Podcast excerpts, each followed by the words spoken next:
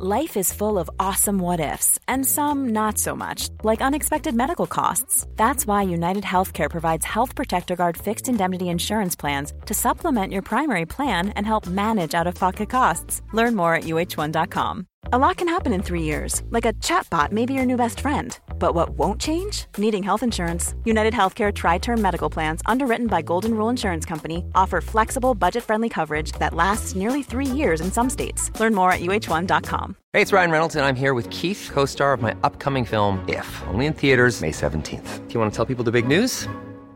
All right, I'll do it. Sign up now and you'll get unlimited for $15 a month in six months of Paramount Plus Essential Plan on us. Mintmobile.com slash switch. Upfront payment of $45 equivalent to $15 per month. Unlimited over 40 gigabytes per month. Face lower speeds. Videos at 480p. Active Mint customers by 531.24 get six months of Paramount Plus Essential Plan. Auto renews after six months. Offer ends May 31st, 2024. Separate Paramount Plus registration required. Terms and conditions apply if rated PG. Ann, vet du vad som nalkas snart? Sommarsol. Och min berömda midsommarfest. Det är din älsklingstradition. Och vad passar då inte bättre än att vi denna vecka sponsras av Rusta? Jag drog iväg till Rusta och gjorde du vet den här episka inköpskavalkaden.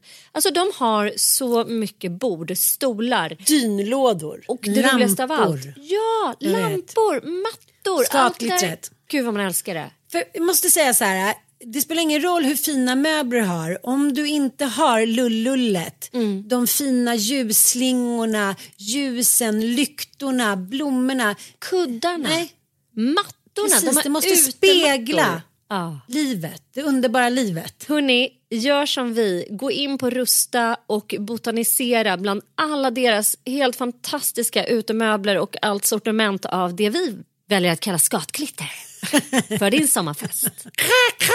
Tack Rusta för att ni sponsrar inte din morsa. Tack, vi är så glada. Hörru, Ann, du verkar lite disträ. Vad gör du egentligen? Nej, men eftersom jag inte får några blommor och eh, jag märker att jag mår dåligt när jag inte har fräscha blommor hemma. Det, det kanske låter ytligt men jag sitter här nu på Mathem och beställer en jävla massa tulpaner. Mm. Det är fan det bästa jag vet faktiskt. Nu när man har röjt ut, jag har röjt ut julen och då är det bara tulpanerna som ska in. Mm. Så härligt. Och sådana här små pärlhyacinter. Jag har bestämt mig för att jag eh, ska ta så en gång eh, i veckan när jag beställer ska jag bara beställa härliga saker. Mm. Så här, Unna sig. ja, nu mår jag bra saker. Mm. Och då blir det som vanligt, både för dig och mig, ost. Mm. Sen lite charkuterier. De har väldigt bra ost. Väldigt, typ så här, tusentals ostar. Men vet du att ibland tänker jag så här, Mathem, jag vet ju att det är liksom ett par som äger Mathem. Mm. Så vet jag att det måste vara frun i det här ägarparet som är inne där och bara, måste in med det här veganska märket, måste in med de här ostarna. Liksom. Det, det är liksom, jag ska inte generalisera här med män, men jag får, får ändå en känsla att det är den där lilla kvinnliga touchen, precis Ja. det man vill ha. Liksom. Mamma fixar. Ja, mamma fixar. Och så köper jag också alltid deras underbara skagenröra. Mm. Ibland slår jag på stort. Då tar jag en stor en. Och så tycker jag det är så himla bra med Mathems påminnelse. Mm. Med andra grejer kan jag bli irriterad när företag ska vara så här, ska du inte ha det här och det här? Men här är det alltid någonting som jag har glömt. Men allt från värmeljus till citroner. Sen är lite så här disträ grejer. Om vi ska... Den vet, den där lilla appen, vad man brukar vilja ha. Precis. Så då påminner den. Det är så jäkla smart faktiskt. Det är min big mama. Ja. Mm. Nej, jag älskar Mathem och jag, jag älskar liksom mer och mer. Jag blir lika glad varje gång det ringer på dörren och kassarna kommer där. Mm. Det är liksom som att, att det är jul hela tiden. Håller med. Ja. Ja, tack Mathem för att ni sponsrar oss i den här podden. Ja. Vi gillar det skitmycket. Och vet ni, ni som lyssnar, gå in på Mathem, klicka hem varor för över 700 kronor så får ni nu en helt fantastisk rabatt på 100 spänn Precis. med koden SÖNDAG.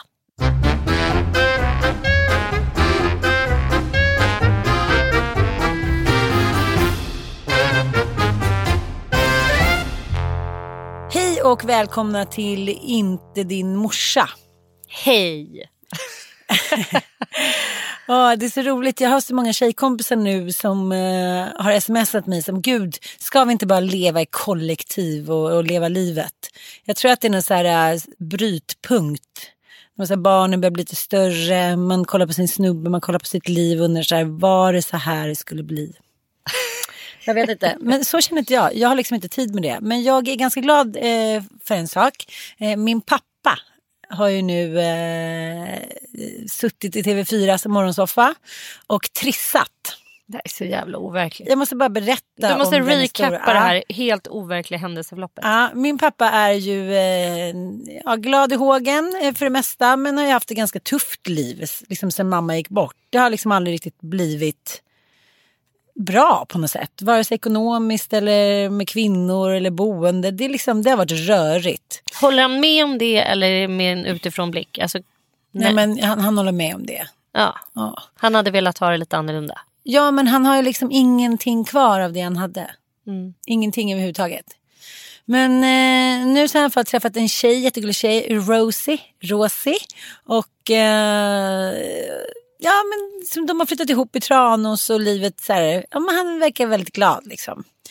Men så, så hade han ju varit nere, innan han flyttade till Tranås, hade han varit nere hos sin lokala tobakshandlare.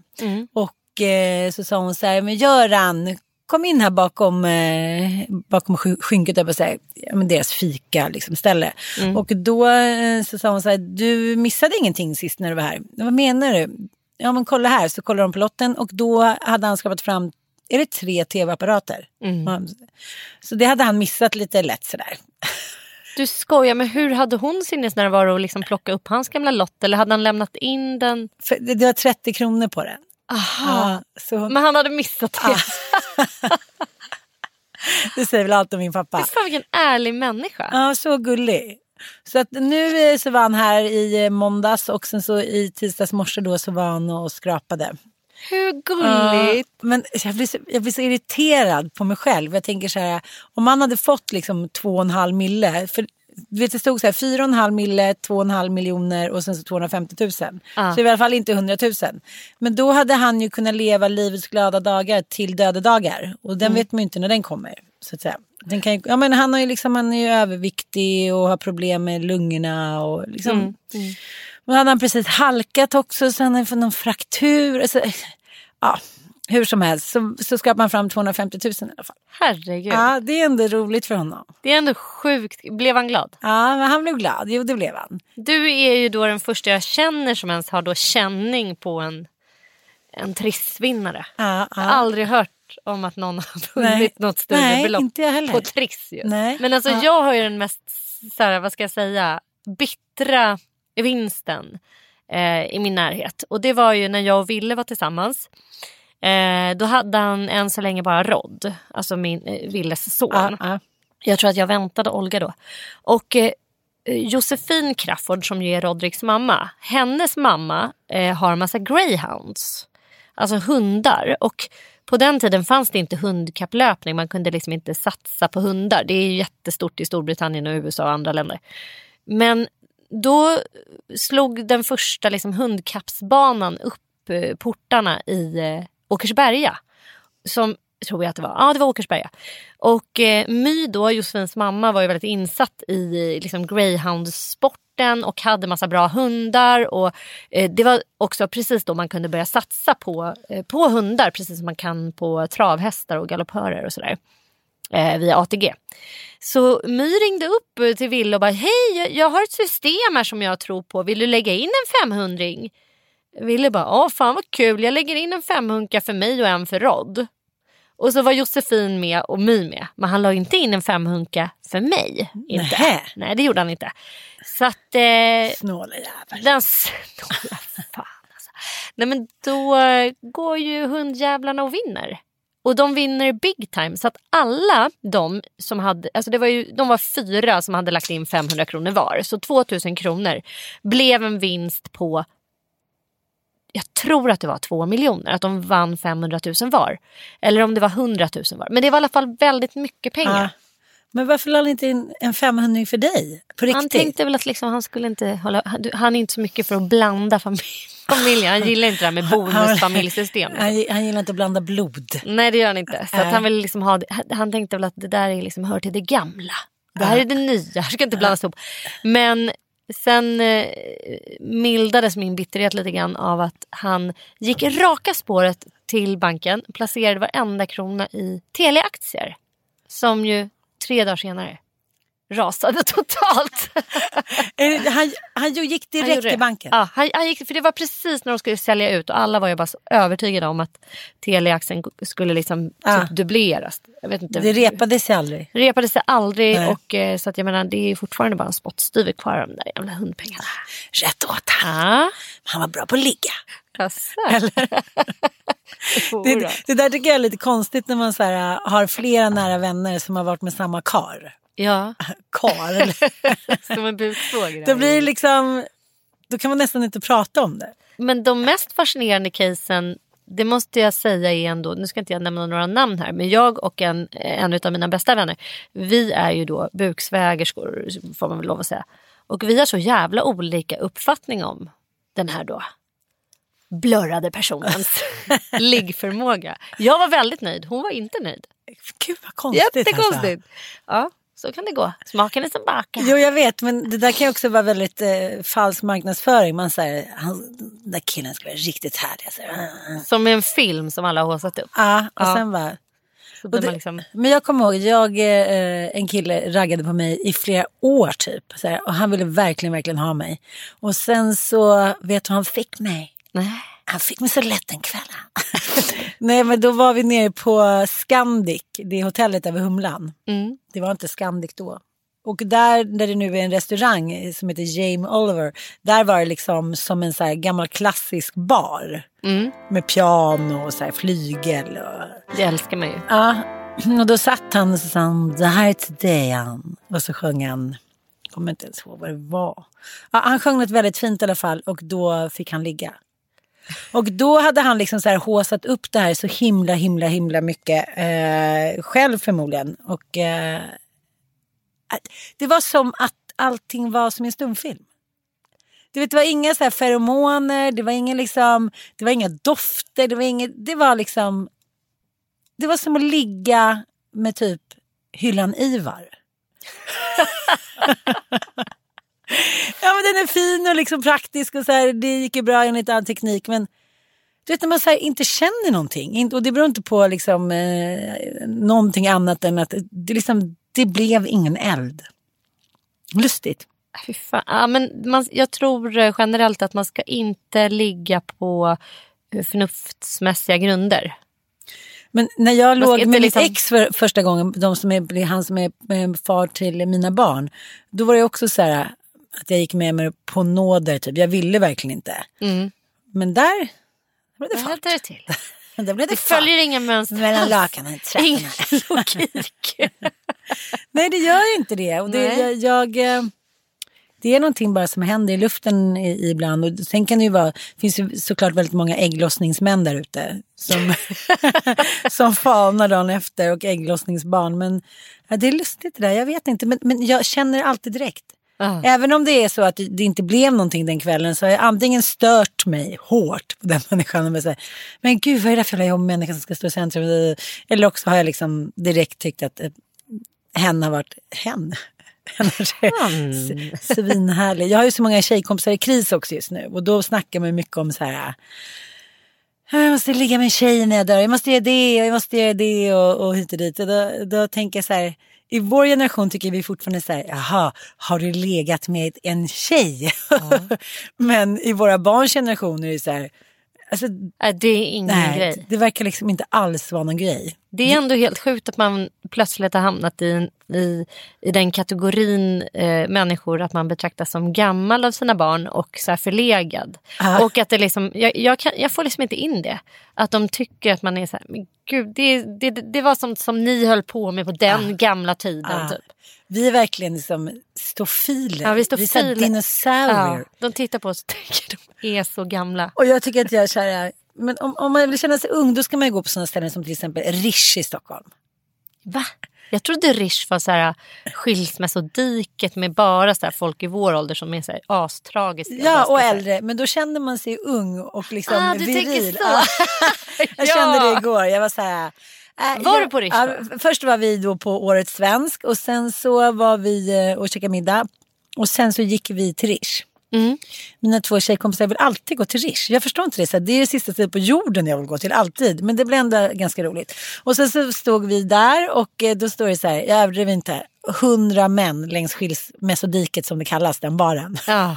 Det är ändå bra namn. Ja, det är ändå väldigt bra. Och du vet, de blev så till sig när vi tre eh, kvinnor ställde oss vid hörnet av barnet, att, eh, barn, ba, baren. Att det, så här, det kändes som att liksom, vi höjde stämningen så mycket. Och det var ju inget speciellt med oss, men vi var ju typ de enda kvinnorna där.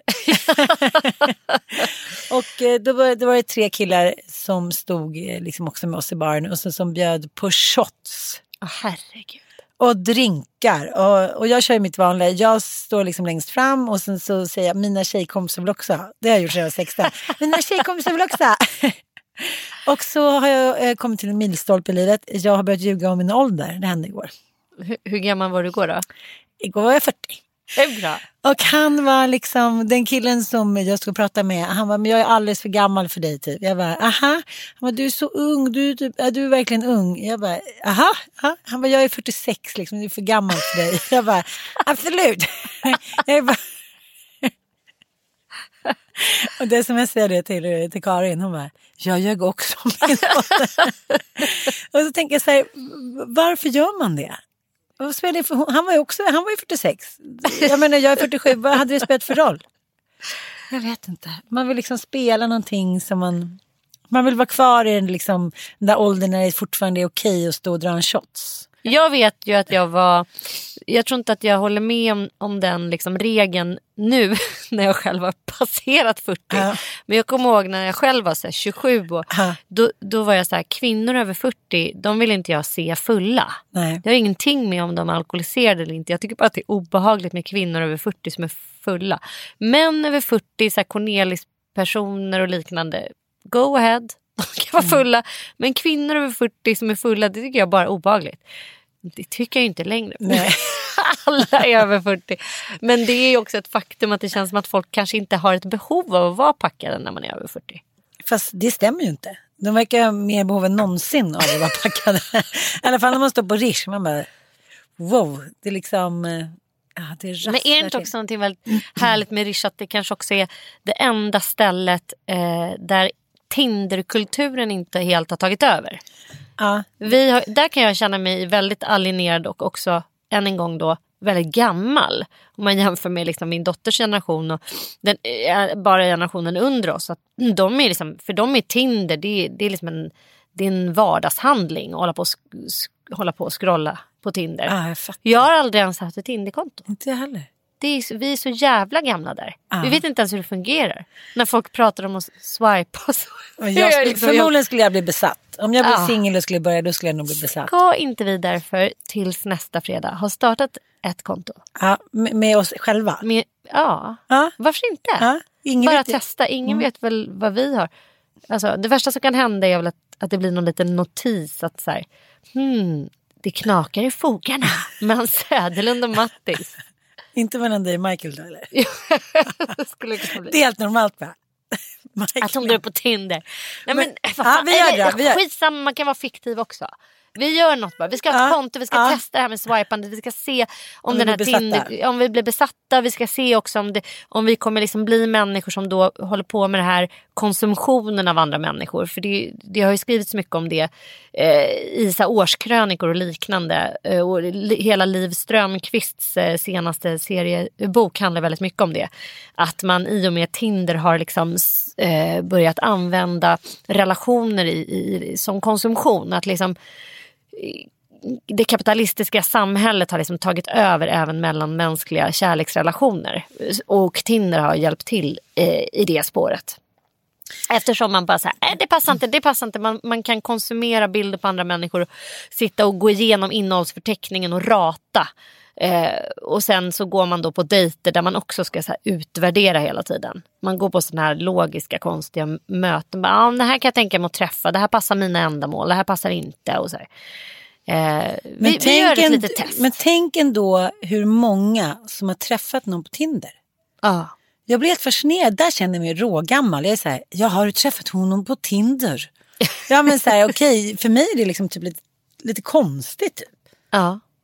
Jag, jag tänker fortfarande att det är så här, lite halva autistiska freaks som typ är, är där ute som, inte, som är lite socialt fobiska. Som, det är de som så träffas och så, så, så har de så praktiska uppgörelser. Och jag har väldigt mycket fördomar om Men, men, nätdating. men, men jag- vissa, både kvinnor och män använder ju eh, såklart Tinder som, ja, men som en sexslav. Att så här, ja, men man tar fram någon ny att ligga med.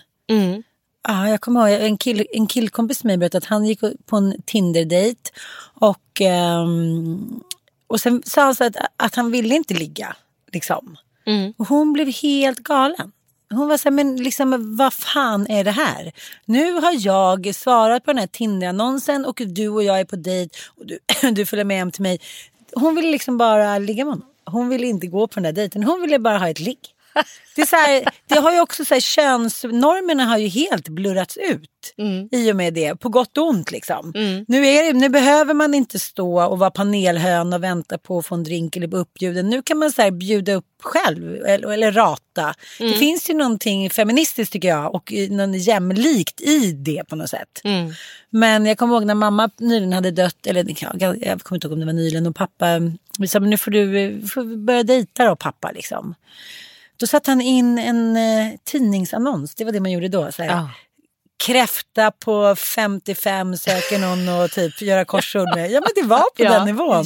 Och då träffade han någon liksom, som han hängde lite med. Men eh, det är lite mer tidskrävande och eh, ja. Kontaktannons. Mm. Det var ju skitvanligt sätt Ja. att träffas. Ja. Och också att man kunde vara så, här, alltså så jävla specifik i de där kontaktannonserna. Ja. Kvinna sökes, snygg, slank, Ja. minst 170 centimeter lång, gärna högklackat. Gillar att bli ompysslad. Eller i de här annonserna som jag, när jag var liten och hittade porrtidningar under en sten. Då, då var det också så knullkontaktannonser. Och då kommer jag ihåg, jag så här, funderade mycket över det. Signaturen slick och sug. Många som hade det. Nej. De var så här, ska gilla slick och sug. Jag bara, vad är det? vad är slick och sug? Det är den nya kvartersbutiken, Slick och sug. Åh, gud, människor alltså. Men jag tänker också på Vill vad, bara ha kärlek. vad många ord som har försvunnit. Slank är ett sånt ord. Hon, hon var eh, slank som en flygvärdinna. Men folk var ju slanka på ett annat sätt för de hade andra sorters kroppar. Jag låg och, och kollade på gamla bilder av Lauren Hutton som är en eh, före detta supermodell. Hon är också den enda i Hollywood som inte har liksom supersprutat in grejer i ansiktet. Hon är väl typ, vad kan hon vara nu, 67 eller någonting. Och det, det var en sån slank kropp som även min mamma hade. Som var så här, man rökte, man drack vin, man käkade lite skabbig mat och, och sen rökte man och drack vin typ. Mm. Och var olyckligt kär. Precis. Ja. För då blir man sl- naturligt slank. Jo men det var, en andra, det var inga muskelkroppar, Nej. det var slanka kroppar. Och ett annat ord som också försvunnit som jag kom på är ordet skräll. Vilken skräll Ja. de vann. Det ser man ju inte heller ofta. Det använde Gina Darivavi, Darivadi eh, när hon var på Guldbaggen häromdagen skrev hon så här, vilken skräll att jag är ute. Typ. Tänkte jag så här, jaha. Jag är så nyfiken på henne. Eh, apropå, vad roligt att du nämner hennes namn. För att jag vet inte hur, jo men det, de har gjort en dokumentär om Gina Dirawi. Har du sett den? Nej, vart tog Gina men Vart jag, tog Gina vägen? Men jag tänker att så, här, så länge har hon väl inte varit borta. Nej, men man kan väl tycka att det är, hon fick ju göra SVTs alla stora format. Hon fick ju programleda liksom, de absolut största galorna. Hon gjorde ju det med den äran. Hon hade egna program. Hon, hon var verkligen en, här, en ung stjärna på SVT. Hon var ju deras eh, guldkalv kan man väl säga. Ja. Hon var ju också det, det, det, det, kanske den första programledaren som inte såg ut som hade blont hår. Mm. Så att det var ju också ett liksom, PK-kort för dem som eh, liksom föll väldigt väl ut. som föll väldigt väl ut eftersom hon var, är så satans begåvad. Och eh, hon var ju också liksom, symbolen för den unga generationen. Hon blev ju först stor på, på Youtube och gjorde liksom, ja, sina imitationer och liksom sina humorgrejer på, på Youtube. Alltså blev stor på internet. Och så, så plockade stora SVT upp henne liksom och lät henne göra massa fantastiska saker. Och sen försvann hon bara. Till fyran. Till fyran ja. Hon, Hon blev ju gjorde värvad Idol. dit liksom och gjorde Idol ja. Ja. Och liksom such a waste. Mm. Det är så här, vad skulle hon göra på Idol och ha klädkreationer för 400 000 varje gång och egna? Hon fick ju knappt säga någonting. Nej. Nej jag, jag, liksom, jag fattar inte. Jag känner så här att vissa människor måste hålla sig till SVT. Mm. Det är bara så. De Petra Mede är också en annan sån tjej. Mm. Det, kan liksom, det finns inga andra kanaler som kan backa upp deras geni. Nej. Okej, och vad handlade då? Vad har hänt med henne? Hon har blivit så hatad. Hon blev så fruktansvärt hatad. Sverige. Ja, verkligen Sverige. Och det är så här, hur fan går det ens till liksom? Men hon fick så jävla mycket hat. Och det här hatet träffade ju också Nour El Refai när hon var bisittare. Du var ju för sig i SVT. Eh, hon programledde ju Melodifestivalen. Och det här liksom har gått mig helt förbi. Därför att dels har det inte rapporterats om det. Men hon, hon möttes ju av sån massa massiv hatstorm.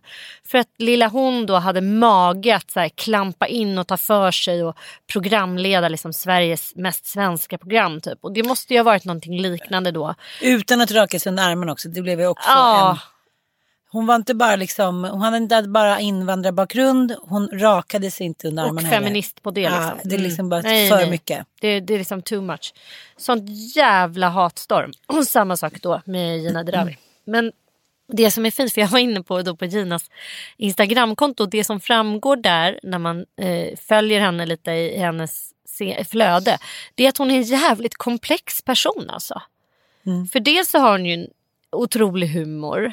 Och eh, alltså jag tycker ju att hon, jag har alltid tyckt att hon är rolig. Och så är hon Mm, jag ju, hon är så direkt, hon är så snabb, det är liksom vasst och roligt. Och, och hon har en extremt så här, vaken blick för samtiden. Hon gör liksom skitroliga analyser av vår tid och, och vårt land. och så här. Men sen har hon ju en jävligt flummig sida. Hon, är också så här, hon- har också någon slags så känsla av att bara, "Ja, men det här är jag, jag är som jag är. Och sen har hon också den här Michael Jackson-sidan får man ändå lov att säga. Alltså hon har ju opererat sitt ansikte. Ja, Nu, det- nu har jag liksom inte, har väl- jag har inte direkta källor på det här men det, det kan ju ingen undgå att se. Nej men hon har väl erkänt det också? Eh, Jag tror det. Att Liksom. hon opererar näsan. Ja, och, och jag säger inte att det är fel, jag vill inte döma henne för det. Men samtidigt så krockar det lite grann med hennes approach. För att hon är så här, varför skulle hon ett behöva göra det? Och två, alltså nej, jag får liksom inte ihop henne. Nej jag fattar, jag fattar. Hon, hon, det, det är för många olika personer i en och samma. Men din Och nu ska hon också bli, hennes grej som hon har gjort under sin frånvaro då från offentligheten. Det är att hon har skrivit en roman.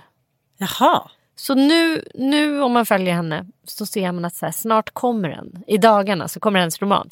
Så hon har liksom umgåtts med sina romanfigurer i, under det här, de här åren. Hon har varit borta. Men vad hände? Hon hade ju liksom ett flera års lång kontrakt med fyran. Det är bara så här. Ja, hon måste ju ha fått kliva ur det eller bara sluppit göra liksom, som någon typ av kompensation för att hon har farit så illa. Liksom. Och de kanske inte har lyckats backa upp det antar jag. Eh, jag vet inte. Men eh, det verkar ha varit något sånt. Jag ska också säga att jag, liksom inte, jag har inte sett hela den här dokumentären men jag har följt liksom bevakningen av den. Och så. Du har sett tre minuter. Jag jobbar snabbt. Jag har många barn. Och du också. Jo. Men Mm. ja, jag ville bara säga att jag, är, jag, blir, eh, jag blir väldigt intresserad av att läsa den här romanen. Och vad ska den handla om? Det ska handla om massor med olika människor från Libanon. och alltså från, jag, jag antar att hon använder sig av sina egna erfarenheter och eh, bäddar in det i någon slags fiktiv värld. Jag lämnar det därhän och så Ja. återkommer jag i frågan när jag läser den här romanen. Men jag är sugen på den. Och jag, jag tycker att hon, jag gillar, ju, jag gillar ju människor som är komplexa och som inte är helt platta. Liksom. Hon har ju det här Michael Jacksoniga. Och så har hon det där humorn och väldigt direkta och sen har hon någon slags mörker i sig liksom, med någon typ av depressiv sida. Och sen har hon också det här väldigt flummiga. Att det är mycket så här meditation och det är mycket så här surf och eh, sitta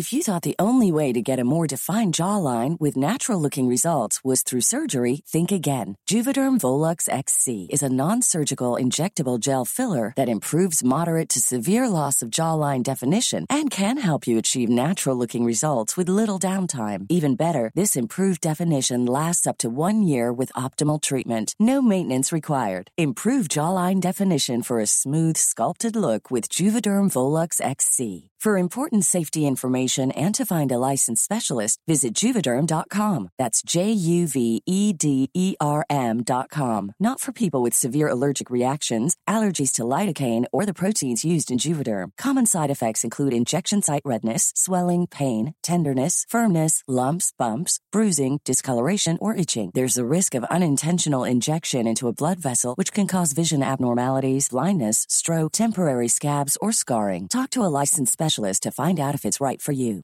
Imagine the softest sheets you've ever felt. Now imagine them getting even softer over time. That's what you'll feel with Bowl and Branch's organic cotton sheets. In a recent customer survey, 96% replied that Bowl and Branch sheets get softer with every wash. Start getting your best night's sleep in these sheets that get softer and softer for years to come. Try their sheets with a 30-night guarantee. Plus, get 15% off your first order at bowlandbranch.com. Code BUTTERY. Exclusions apply. See site for details. Hey, I'm Ryan Reynolds. At Mint Mobile, we like to do the opposite of what Big Wireless does. They charge you a lot, we charge you a little. So naturally, when they announced they'd be raising their prices due to inflation, we decided to deflate our prices due to not hating you. That's right. We're cutting the price of Mint Unlimited from $30 a month to just $15 a month. Give it a try at mintmobile.com slash switch. $45 upfront for three months plus taxes and fees. Promo for new customers for limited time. Unlimited more than 40 gigabytes per month. Slows. Full terms at mintmobile.com. Hey, it's Ryan Reynolds, and I'm here with Keith, co star of my upcoming film, If, only in theaters, May 17th. Do you want to tell people the big news? All right, I'll do it. Sign up now and you'll get unlimited for $15 a month and six months of Paramount Plus Essential Plan on us. Mintmobile.com slash switch. Upfront payment of $45 equivalent to $15 per month. Unlimited over 40 gigabytes per month. Face lower speeds. Videos at 480p. Active Mint customers by 531.24 get six months of Paramount Plus Essential Plan. Auto renews after six months. Offer ends May 31st, 2024. Separate Paramount Plus registration required. Terms and conditions apply if rated PG. Meditera och sånt. Ja. Alltså, är det något jag är dålig på, då är det det här meditera och liksom när folk pratar om andlighet. hit och dit, Liksom, vad är det, jag, jag känner att jag är så långt ifrån det där. Jag har en tjejkompis nu, hon har träffat någon kille och hon beskriver honom som andlig. Och det är så här, okej vad innebär det? Innebär det att man så här, äh, ska ta syra och gå upp för ett berg och se allting bli klarare färger? Jag vet inte. Jag- det- det- Är det för att liksom våga se sitt inre? Jag känner mig nöjd med bara att vara vanlig med med mig själv. jag har liksom ingen dragning åt det där. Du har aldrig haft det?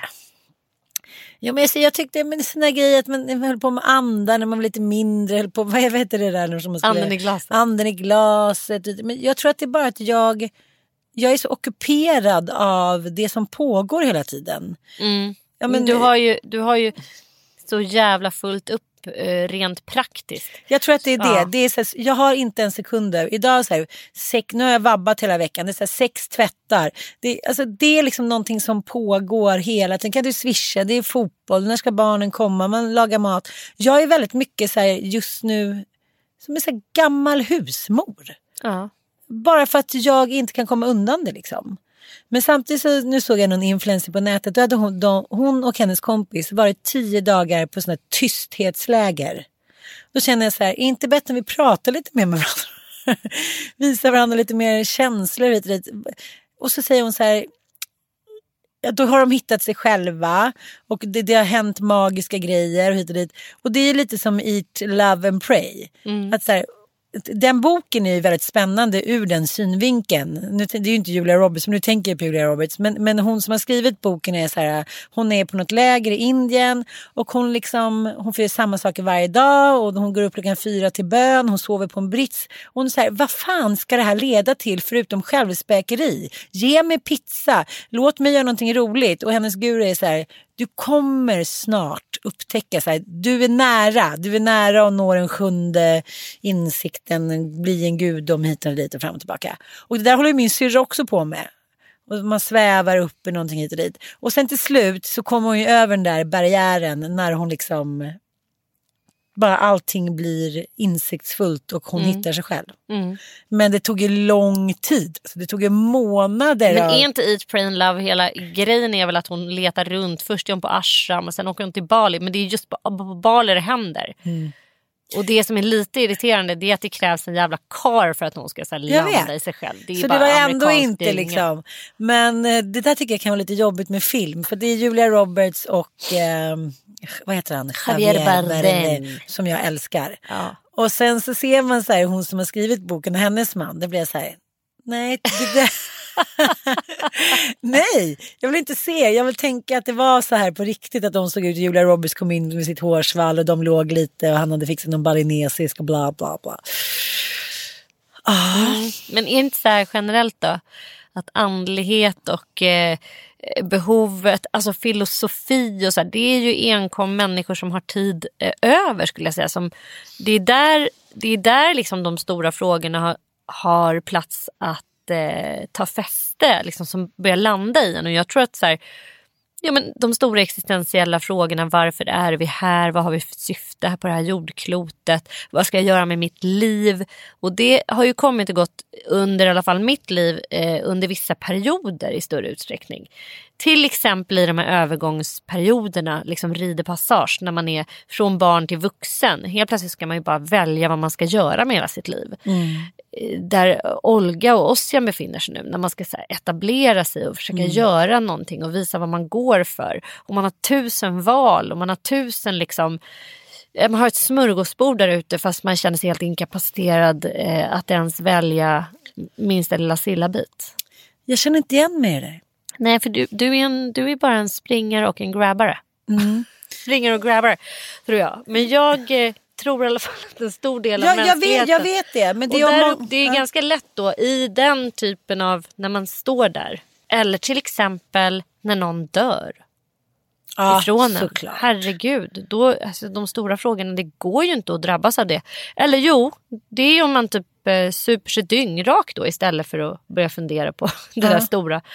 Eh, eller flyr på något annat sätt, tänker jag. Ja. För att slippa liksom, tänka på allt som är, alltså, vad ska man säga, evigt. Så eviga frågor. Men, eh, eller finns det något annat? Finns det något utanför oss? Är vi ensamma? Ja, men, Jag hör hur du börjar andas tungt nu. nej, jag vet. Jag tror att det handlar om... Jag tror bara att du har levt alldeles för länge. Alltså Ossian är 17. Du kan dö nu. Du har levt alldeles för länge. nej, du har levt alldeles för länge med alldeles för mycket att göra rent praktiskt där, Mm. ur hand i mun. Så att det är väldigt få stunder i ditt liv där du kan ens drabbas av en existentiell tanke. Mm. Jag tänkte på det också när jag eh, gav bort till en kompis en sån här, vad heter en sån där liten klitorisapparat som alla pratar om. Som är så här, garanterad orgasm inom fem minuter. Garanterad, du vet den där som är som en liten sugpropp som alla har. Har aldrig hört Ja, om. men, men- jag gav den till henne då eh, för jag tyckte hon behövde den. Och sen så dagen efter så skrev hon så här ett sms till mig och sa att hon hade kommit efter eh, 15 sekunder. Herregud. Och nu är hon så här, Varför gav du bort den? Nej, jag, jag hittade en till sen hemma. Ja, då tänker jag så här, då ser jag så har jag någon dildo hit och dit. Så tänker jag så här, batterierna funkar inte. Jag har inte ens tid att prova en dildo. Nej. För att det är så mycket bra. och Frasse hittar den där, vad är det här mamma? Jag försöker trycka på dem där. Ja, det får vara leksaker då. Nej, men liksom, jag- det är som du säger, jag är ockuperad. Min kropp har varit ockuperad så länge av att vara gravid, av att amma eller att någon ligger på i, över, under mig. Liksom, Och vill ha mig till någonting.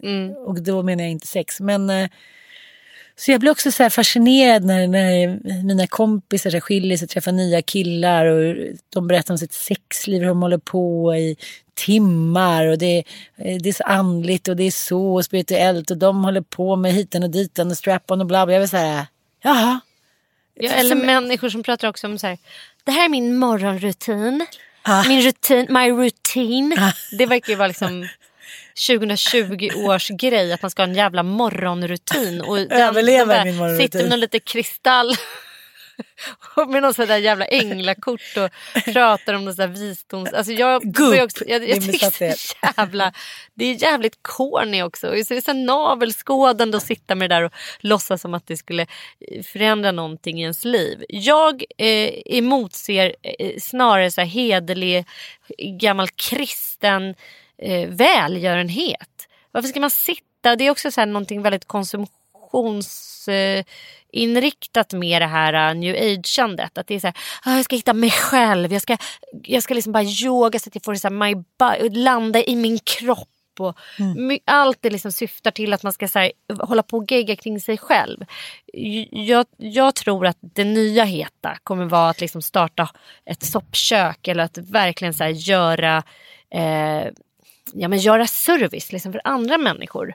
Att finnas där för andra som är utanför sig själv och eh, på det sättet tror man kan hitta sig själv. Precis som du, du sa det rätt klokt där. Det är hederlig jävla kärlek liksom. Men eh, jag bara tänkte på så här, my morning routine. Just nu står det två, ett, jag överdriver inte, 200 Playmobil-gubbar.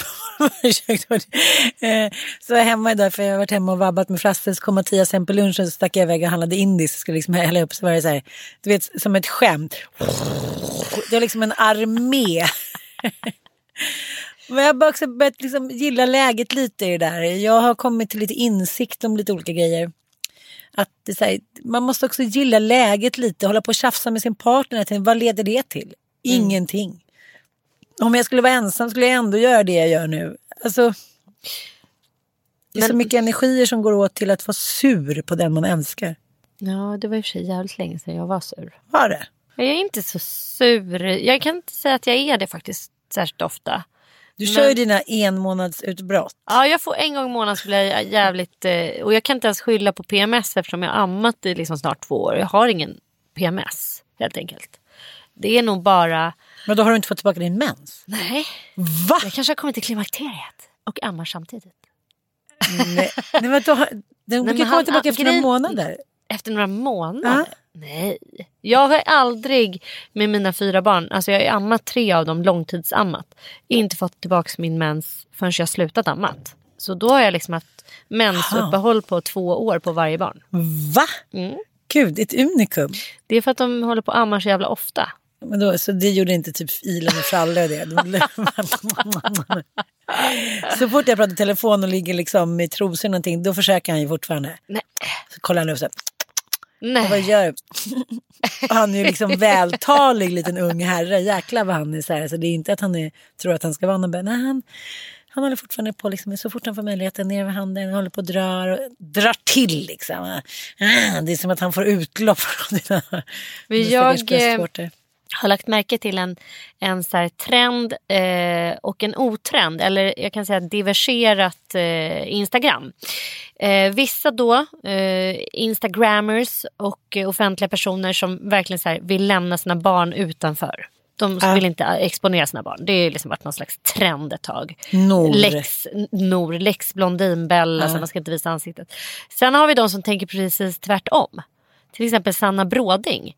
Som intervjuar sin treåring om hur han tycker att det känns att sluta amma. Va? I stories. Nej. Jo.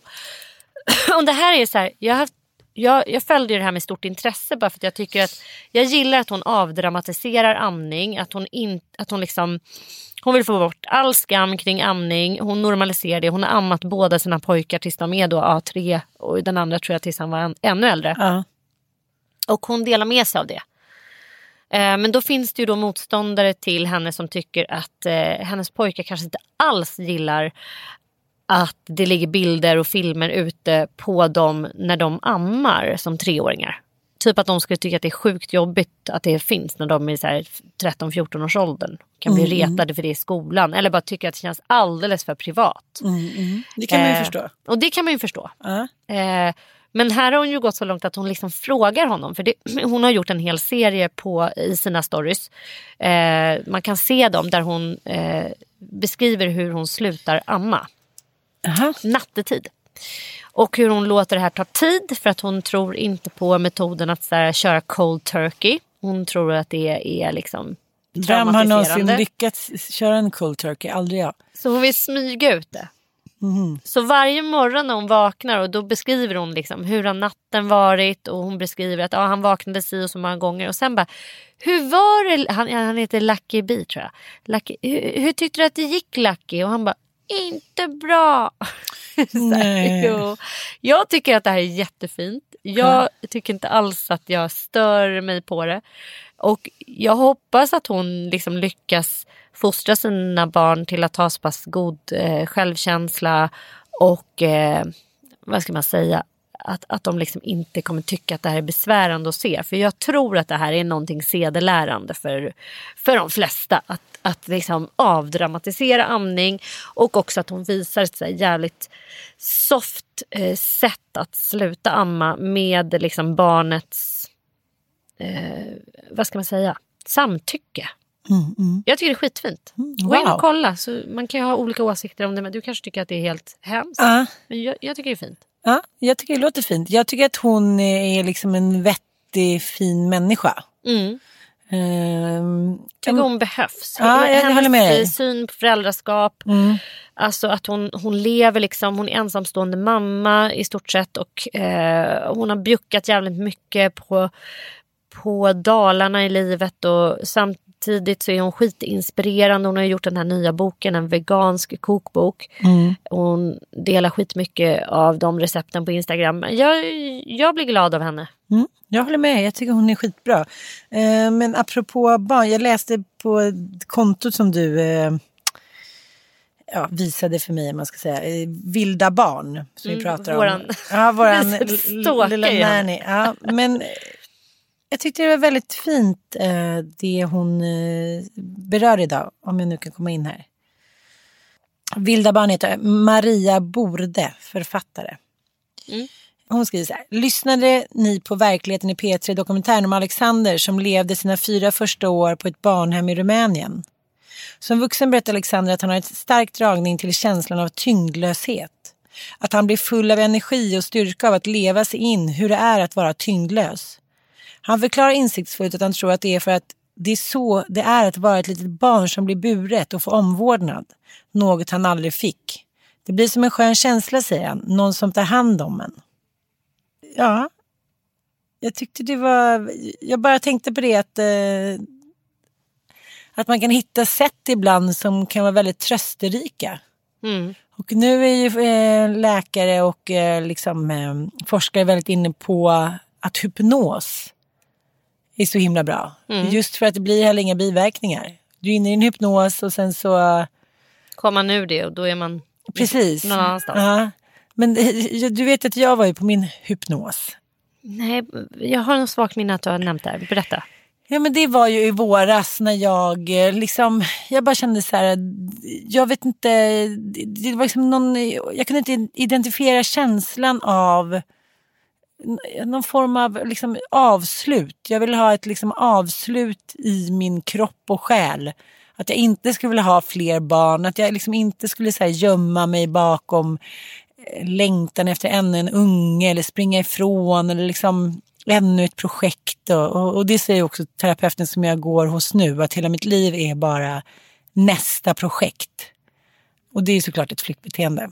Men eh, så då gick jag till den här eh, fantastiska eh, hypnosterapeuten. Då. Det är ju inte så här hoppa som en groda, vara en kanin.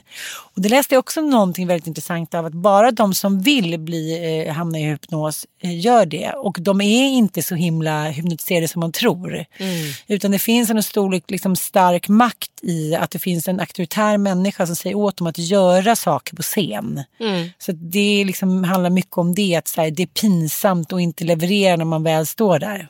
Just det. Ja. Så att de är typ lite halvt som allt medvetna. Precis. Det är inte så att de är så här, va? Ja, Var har jag varit? nej, Nej, precis. det är en chimär. Men då, då gick vi in och då eh, fick jag så här, um, prata om det som jag tror har påverkat mig. Att jag har så otroligt svårt att inte ha en varm kropp bredvid mig när jag ska sova och har så otroligt svårt att vara ensam. Det är just det där att jag låg i kuvös i mina första fem veckor i livet. Och du vet ju själv när du eh, liksom födde Olga, då var det ju fortfarande så att du åkte hem på kvällarna. Så du kunde ju tänka dig hur det var 1972. Det var liksom ingen som ens tittade, tittade till mig. Så, där ligger Anson Fransson, typ, hej då. Ja, men det är så bisarrt. Det, då hade här de inte ens eh, kängurumodellen. Nej. Nej, den kom väl på 90-talet. Mm, det var ju typ precis när Olga föddes. Innan dess. Liksom. Ja, men så himla sjukt. Eh, när jag födde Bobo, han fyller ju sex nu, då var det liksom ingen som... Det är klart att så här, man kände att det, det var väl bra om, man, om papporna också tog av sig tröjorna när bebisen kom. Men det var ingenting som barnmorskorna sa. Nej. Nu när jag födde Fralle, då var det liksom direkt så här, du måste ta av dig din tröja. Då är det någonting som barnmorskorna uppmanar papporna att göra. Mm. Jag tänkte faktiskt också på det nu när Foxen föddes. Att det var många sådana här grejer. Typ så här, hela den här grejen med sen avnavling. Jag var så här, det var typ det enda jag skrev. Att, "Eh, absolut, jag vill ha sen avnavling. De bara, ja men det är väl klart att vi har det. Jag bara, Aha. jaha. Okej. så. Ja, Och sen avnavling, det visste jag inte ens vad det var. sen Visste du avnavling. vad det var? Hej och välkommen till sen avnavling. Nu, liksom, vad är det för ord? Avnavling? Ja, men det är Ja, men att, att man, man får ligga och mysa innan det ska klippas och snoffas. Ja, och, ja. men att det också har en jävligt viktig biologisk funktion. Att klipper man navelsträngen före moderkakan har lossnat så får inte barnet i sig tillräckligt med blod. Så att eh, nu har man liksom, eh, de hade helt enkelt inte riktigt den kunskapen. De tänkte väl att så, här, "Åh, det är väl skönt att klippa av den så att man kan gå iväg och tvätta barnet lite snabbt. Så att Ja. mamman får en fräsch bebis på- upp på bröstet. Och nu har de ju förstått att, att det är skitdumt. För att så länge moderkakan sitter fast i livmodern så delar ju bebisen och mamman blod. Så klipper du navelsträngen då så får ju barnet liksom Ja, den får en jättedålig start med, lite, med mindre blod helt enkelt. Ja, men vadå? Det, det har väl gått ganska fort innan de har liksom klippt navlarna. Jag känner inte att jag har haft sen avnavling på någon.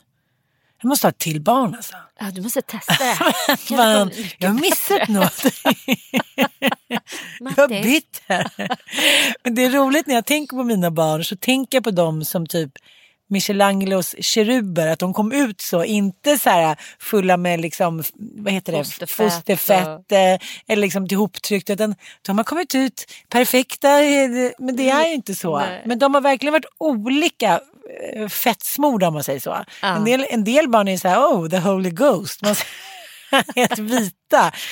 Vilken frasse, jag bara, det är min senaste förlossning, det var ju den märkligaste förlossningen någonsin. Att jag ligger med hörlurar på och så bara oj! Hörlurar? Ja, för på, på båda sidorna så var det kvinnor som skrek så mycket. Herre. För de hade sån dödsskräck. Så till slut så kom det in en sköterska och sa så här.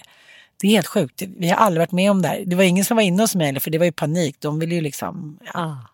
Så jag låg där själv och kollade på så här, låg med hörlurar och kollade på humorklipp. Och Mattias satt liksom lite längre bort och kollade på humorklipp. Och sen sa jag så här, nu får du faktiskt hämta någon för nu kommer jag föda. Han bara okej, oj, oj, oj. Och så sa hon, nej men de tror inte att det var dags än. Så jag bara, hämta de där jävla barnmorskorna nu. Och kom in, de bara, du ska föda nu. Så kasta ner mig på en jävla pall, kasta Mattias bakom, han ramlade. Och sen tre kryssningar så kom Frölénberg ut Nej. iskall. Så att han fick ligga under värmetäcket tre timmar för han var så kall. Vadå då? Men det är också så här, det kommer jag inte heller ihåg att jag frågade om. Jaha, han var kall. Men hade du epidural på honom? Nej, de hann aldrig sätta in det i vanlig ordning. Och inte på Bobo heller. Herregud. Jag har bara haft det med första. Shit alltså.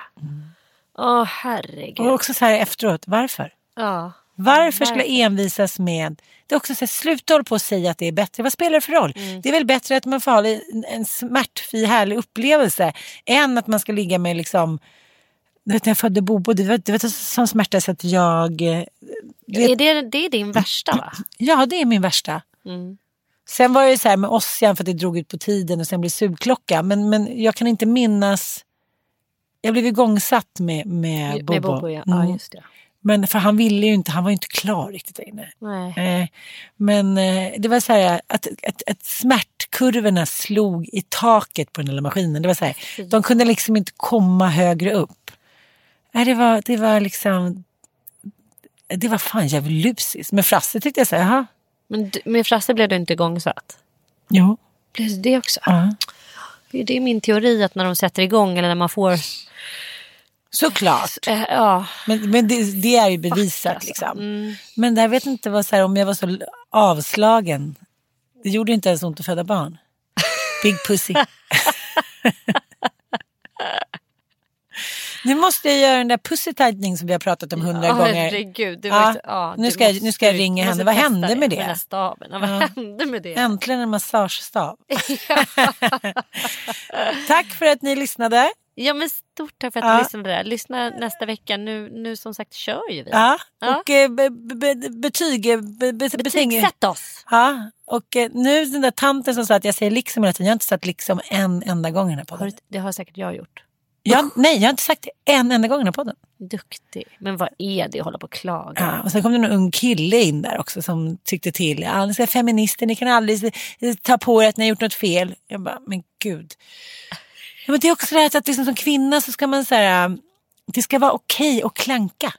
Klanka är ett bra ord också. Mm. Och även, jag läste faktiskt Klank, att svenska, slank. finns ju ha, några ord som är på väg eh, ut ur Svenska Akademins ordbok. Är det klank och slank? Och skräll? Nej, men chikanera. Chikanera? Ja. Är det någonting, det är som panta mera fast skicka? Nej, men chikan, du ska inte chikanera mig och det är ju att göra bort någon. Liksom. Det, är att eh, få någon annan att framstå som dålig. Liksom. Det är ett underbart ord. Ja, jag vet. Du Chikanera. ska inte ta, ja, chikanera inte mig. Ja, det är skitbra. Så ska vi börjar använda det lite Ja. här nu. Vi ska rädda det ordet. Det fanns några andra ord också som man kunde liksom, ni kan googla på det så kan man se liksom, eh, liksom. Jag ser hur du och jag så här, går och begraver några ord. Vi bara. Jag har fått eh, kritik även när jag programleder Karlavagnen för att jag säger liksom för mycket.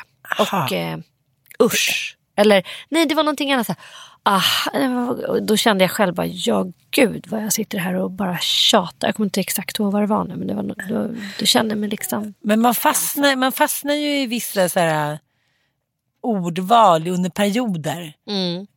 Vad var det jag hade hela tiden, typ under ett halvårs tid? Du, förstår, du förstår vad jag menar. Du förstår vad jag menar. Nej, det var, nej, det var någonting i alla fall. Så jag hör mig själv och jag kan ändå inte sluta säga det. Lite som ett tics liksom. Mm.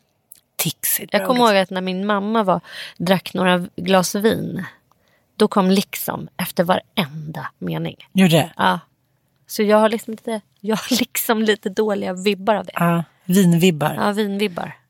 Ja. Hörni, tack Så. för att ni lyssnade. Puss, Puss och kram, hej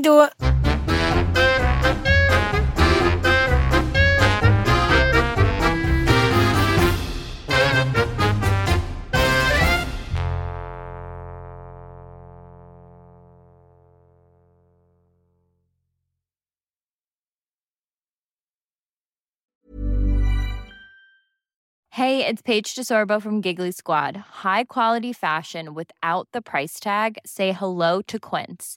I'm snagging high-end essentials like cozy cashmere sweaters, sleek leather jackets, fine jewelry, and so much more. With Quince being 50 to 80% less than similar brands. And they partner with factories that prioritize safe, ethical, and responsible manufacturing. I love that. Luxury quality within reach. Go to quince.com slash style to get free shipping and 365 day returns on your next order. Quince.com slash style. Hi, I'm Daniel, founder of Pretty Litter. Did you know cats tend to hide symptoms of sickness and pain? I learned this the hard way after losing my cat, Gingy. So I created Pretty Litter, a health monitoring litter that helps detect early signs of illness by changing colors, saving you money and potentially your cat's life. Pretty Litter is veterinarian developed, and it's the easiest way to keep tabs on your fur baby's health right at home. Go to prettylitter.com and use code ACAST for 20% off your first order and a free cat toy. Terms and conditions apply. See site for details. Imagine the softest sheets you've ever felt. Now imagine them getting even softer over time. That's what you'll feel with Bowl and Branch's organic cotton sheets. In a recent customer survey, 96% replied that Bowl and Branch sheets get softer with every wash. Start getting your best night's sleep in these sheets that get softer and softer for years to come. Try their sheets with a 30-night guarantee. Plus, get 15% off your first order at bowlandbranch.com. Code BUTTERY. Exclusions apply. See site for details.